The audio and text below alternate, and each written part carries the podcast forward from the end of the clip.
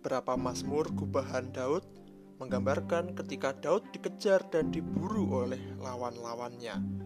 Pengalaman Daud secara politik memang berbahaya dan menegangkan karena banyak orang mengincar nyawanya, bahkan termasuk Raja Saul pendahulunya.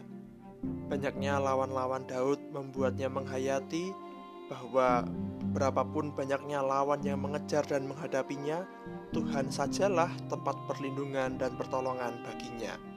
Mazmur 3 ayat 6 sampai 9. Aku membaringkan diri lalu tidur. Aku bangun sebab Tuhan menopang aku. Aku tidak takut kepada puluhan ribu orang yang siap mengepung aku. Bangkitlah Tuhan, tolonglah aku, ya Allahku. Ya, Engkau telah memukul rahang semua musuhku dan mematahkan gigi orang-orang fasik. Dari Tuhan datang pertolongan berkatmu atas umatmu. Bagi Daud, Tuhan sendiri yang melindunginya dari para lawannya.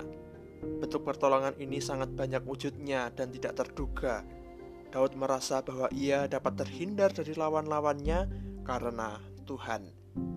Bila lawan-lawannya berjatuhan, Daud melihat tangan Tuhanlah yang membelanya.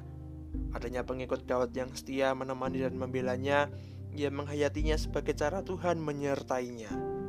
Dari setiap pengalaman yang ia rasakan, utamanya ketika menghadapi lawan-lawannya, semua itu semata karena pertolongan Tuhan, sehingga Daud terhindar dari malapetaka dan celaka karena lawan-lawannya. Dalam hidup seseorang, bisa jadi ada tekanan yang begitu besar, sebegitu mencekam dan berat keadaannya, seperti Daud yang diincar lawan-lawannya setiap saat. Namun hal ini tidak membuat jatuh dan putus asa, karena bagi orang percaya ada tangan Tuhan yang membela dan melindungi dari keadaan bahaya. Musuh itu di masa kini bisa beragam. Mungkin bukan melawan manusia seperti pengalaman Daud, tetapi sesuatu yang lain dan bahkan lebih besar dari kita.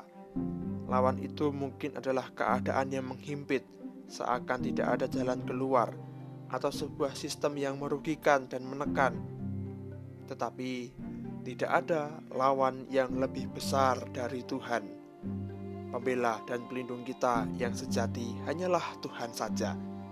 Yakinlah bahwa Tuhan sendiri yang akan bertindak menolong kita orang-orang percaya untuk menghadapi dan mengatasi lawan-lawan kita sehingga orang-orang percaya terbebas dari mara bahaya.